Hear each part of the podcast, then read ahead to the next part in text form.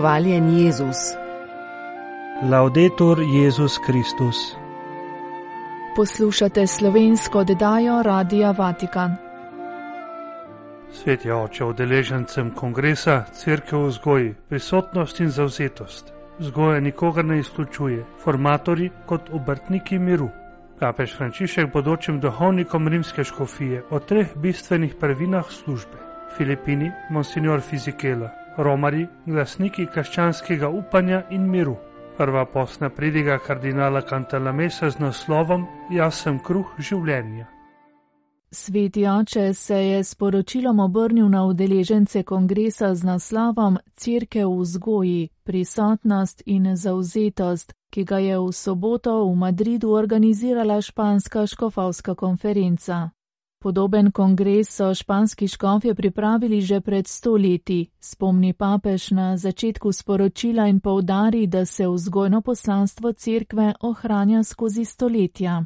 Tako takrat kot danes nas spodbuja isto veliko upanje, ki se je rodilo iz Evangelija in s katerim gledamo na vse, začenši z najmanjšimi in najranljivejšimi. Vzgoja je predvsem dejanje upanja v ljudi, ki so pred nami, v obzorje njihovega življenja, v njihove možnosti, da se spremenijo in prispevajo k prenovi družbe.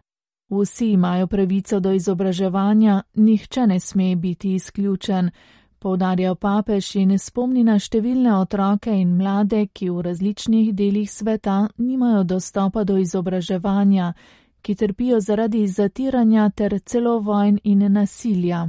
Sveti oče z naklonjenostjo sprejema, da je v ospredju kongresa ravno ta potreba po vzgoji ter spodbuja, delajte za svoje potrebe v Španiji, ne da bi kogarkoli pozabili bodite občutljivi za nove oblike izključevanja, ki jih ustvarja kultura odmetavanja. In nikoli ne pozabite, da bodo ustvarjanje pravičnih odnosov med narodi, sposobnost za solidarnost z ljudmi v stiski in skrb za skupni dom šli skozi srce, misli in roke tistih, ki se danes izobražujejo. Po papeževih besedah je za katoliško vzgojo na vseh področjih značilno, da pomeni resnično humanizacijo, ki izhaja iz vere in ustvarja kulturo. Kristus vedno prebiva v naših domovih, govori naš jezik, spremlja naše družine in naše ljudi. Kako naj torej pozabimo na navzočnost in zauzetost cerkve na področju vzgoje v vaši deželi? na mnoge ljudi in skupnosti, ki so svojim delom prispevali k kulturni identiteti vaše družbe in obogatili tudi pot vesolne cerkve. Udeležence kongresa papež spodbuja naj še naprej skupaj razmišljajo in hodijo ter cenijo svojo identiteto in vero. Vzgoja je skupinsko delo, ki vedno zahteva sodelovanje in povezovanje. Nikoli ne ostanite sami, izogibajte se samoreferencialnosti, Vzgoja ni mogoča brez poudarka na svobodi, ki odpira pot družbenemu prijateljstvu in kulturi srečanja. Zahvali se, da je crkev v Španiji hotela izpostaviti to svoje vzgojno poslanstvo, ter zapiše, da lahko rečemo, da gre za znamenje časa. Posebno zahvalo nameni vsem, ki delajo na področju vzgoje in izobraževanja in so včasih utrujeni, danes pa premalo cenjeni. Vaše poslanstvo je ljubo Bogu in je zelo pomembno za vaše brate in sestre. Jezus naj blagoslovi družine, ki morajo vzgajati svoje otroke in vse, ki se posvečajo vzgojnemu poslanstvu cerkve, sklene sveti oče ter spodbuja naj so še naprej obrtniki miru. Papež Frančišek je diakonom, ki bodo letos posvečeni v duhovnike rimske škofije, Potem, ko se zaradi prehlada ni mogel srečati z njimi v soboto 24. februarja, je zročil vnaprej pripravljeni govor v branje. Dragi bratje, hvala vam, da ste tukaj. Pozdravljamo signorja Di Tolveja in vsem izrekam dobrodošlico. Veselil sem se tega srečanja z vami pred vašim duhovniškim posvečenjem. Predstavljam si, da boste ob misli na ta dan že študirali obred posvečenja.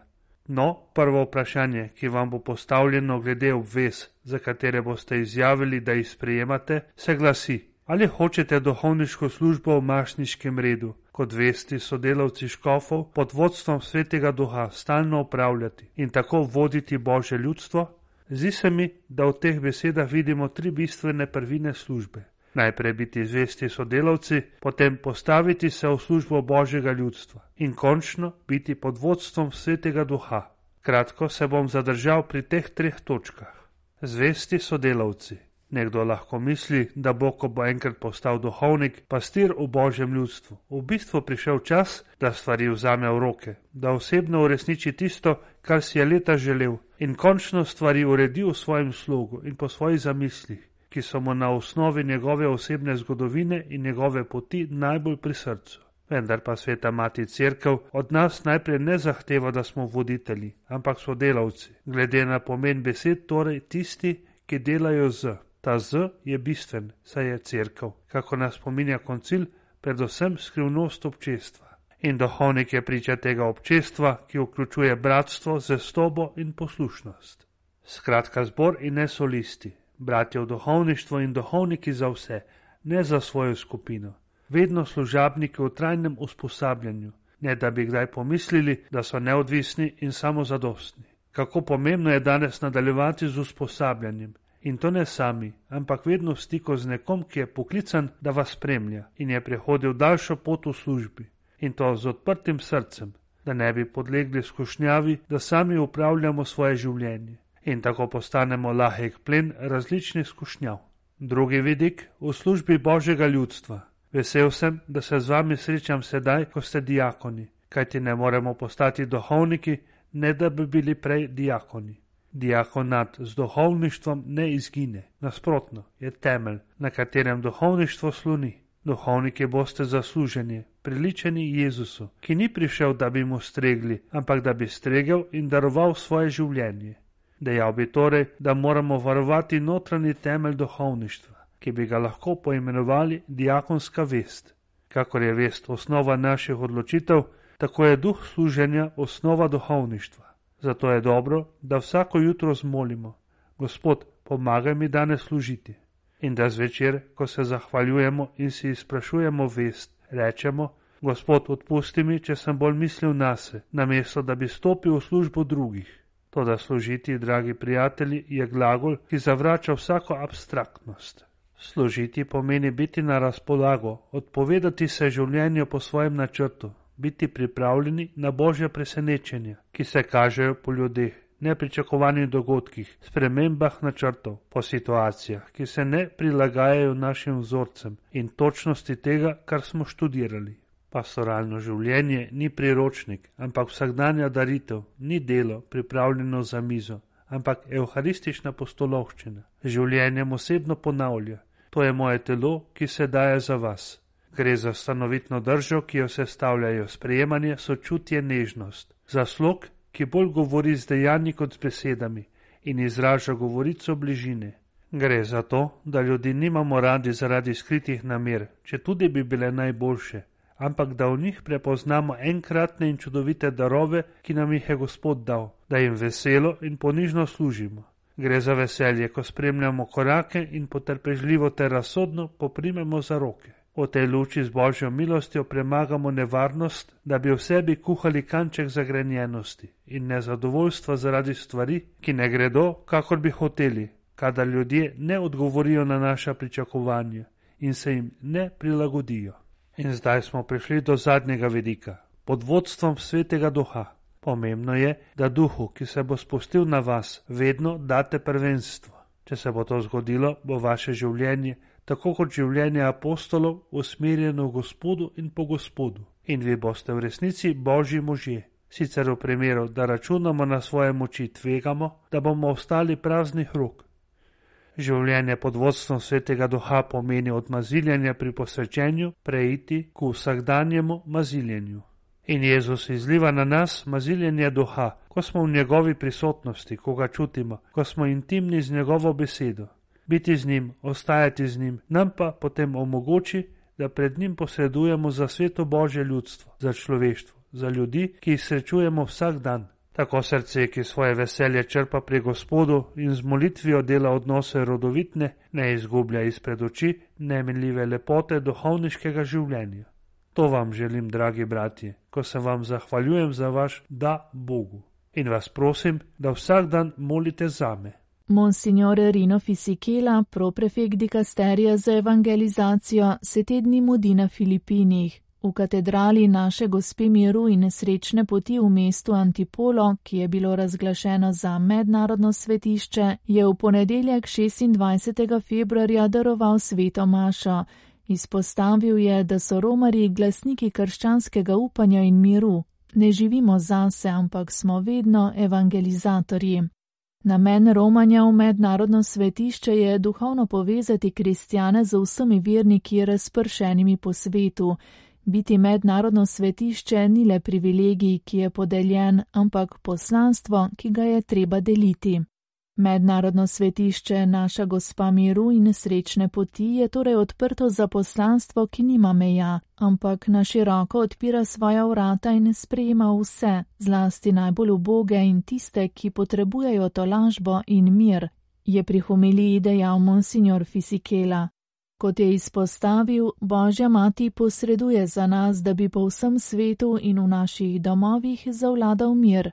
Le če sta mir in spokojnost prisotna v naših družinah, lahko upamo, da bosta kljub človeškemu nasilju, ki vedno terja nedolžne žrtve, prisotna po vsem svetu.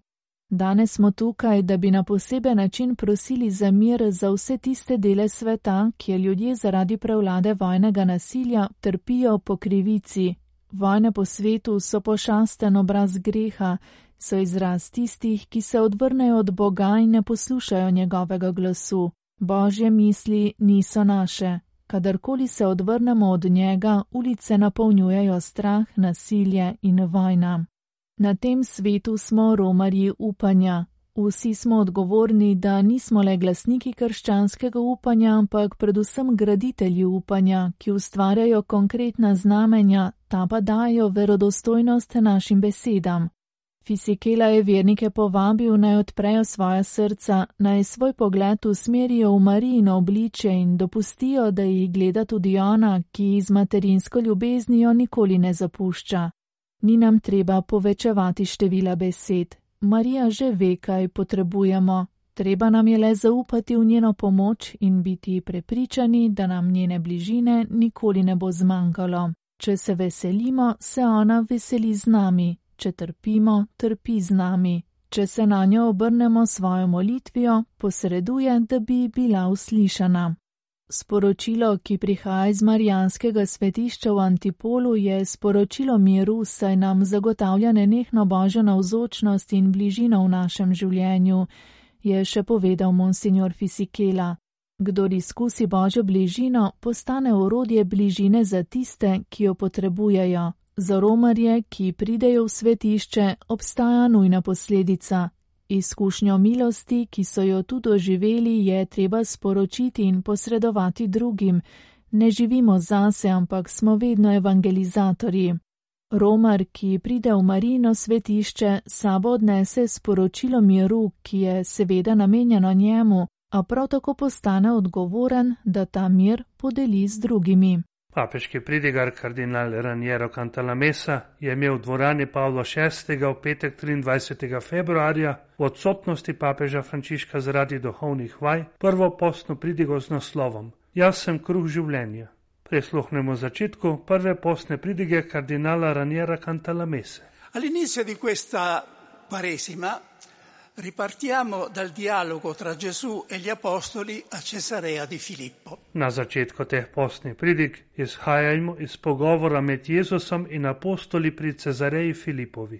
Ko je Jezus prišel po krajino Cezareje Filipove, je spraševal svoje učence: Kaj pravijo ljudje, kdo je sin človeku? Rekli so, eni, da je Janez Krsnik, drugi, da je Elija, spet drugi, da je Jeremija ali eden izmed prerokov. Dejal jim je: Kaj pa vi pravite, kdo sem? Simon Peter je odgovoril, rekel mu je: Ti si Mesija, sin živega Boga. Od vsega pogovora nas v tem trenutku zanima samo in izključno Jezusovo drugo vprašanje: Kaj pa vi pravite, kdo sem? Vendar ga ne jemljemo v smislu, kakor to vprašanje običajno razumemo, kot da bi Jezusa zanimalo, kaj o njem misli crkev ali kaj o njem povedo naše teološke študije. Ne, Vzemimo to vprašanje, kot bi morali vzeti vsako besedo, ki prihaja iz Jezusovih ust. To se pravi, kot da je hik et nunk namenjena tistemu, ki jo posluša, posamezno in osebno. Za izvedbo tega predpisa bomo poiskali pomoč pri evangelistu Janezu.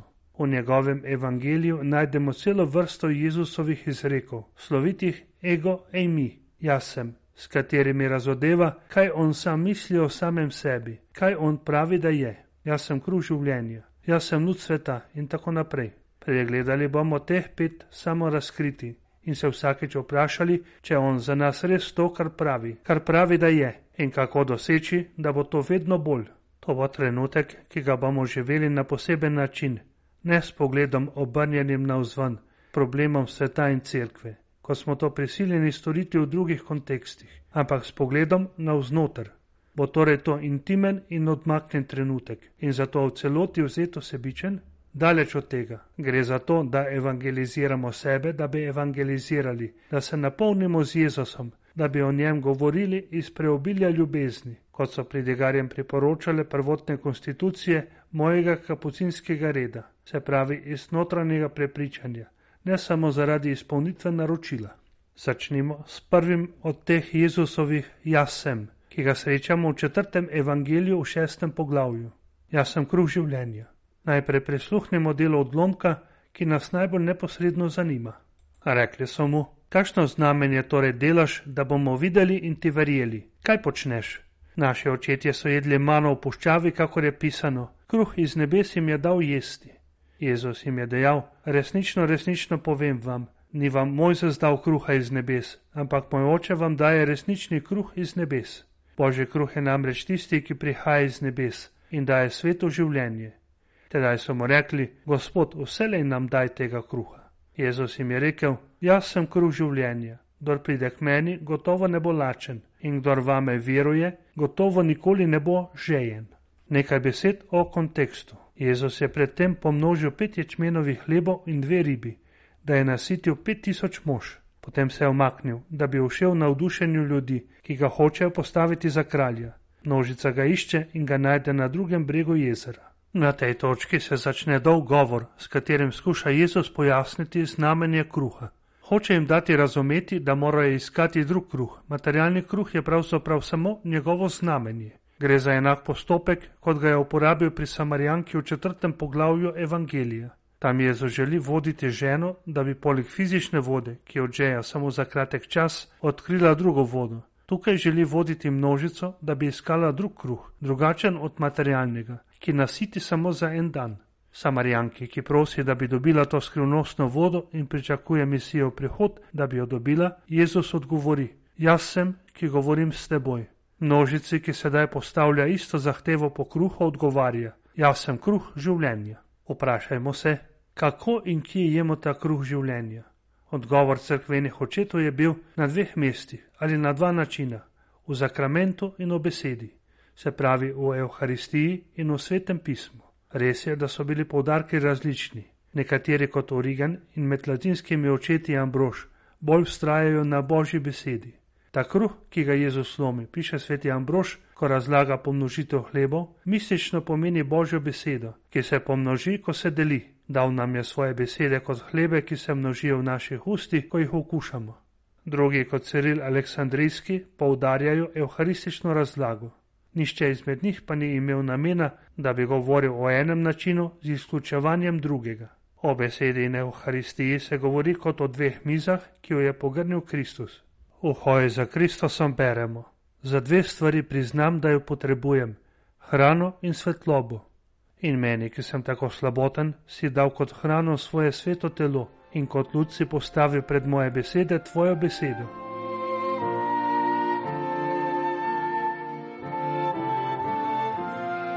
Poslušali ste slovensko oddajo Radia Vatikan.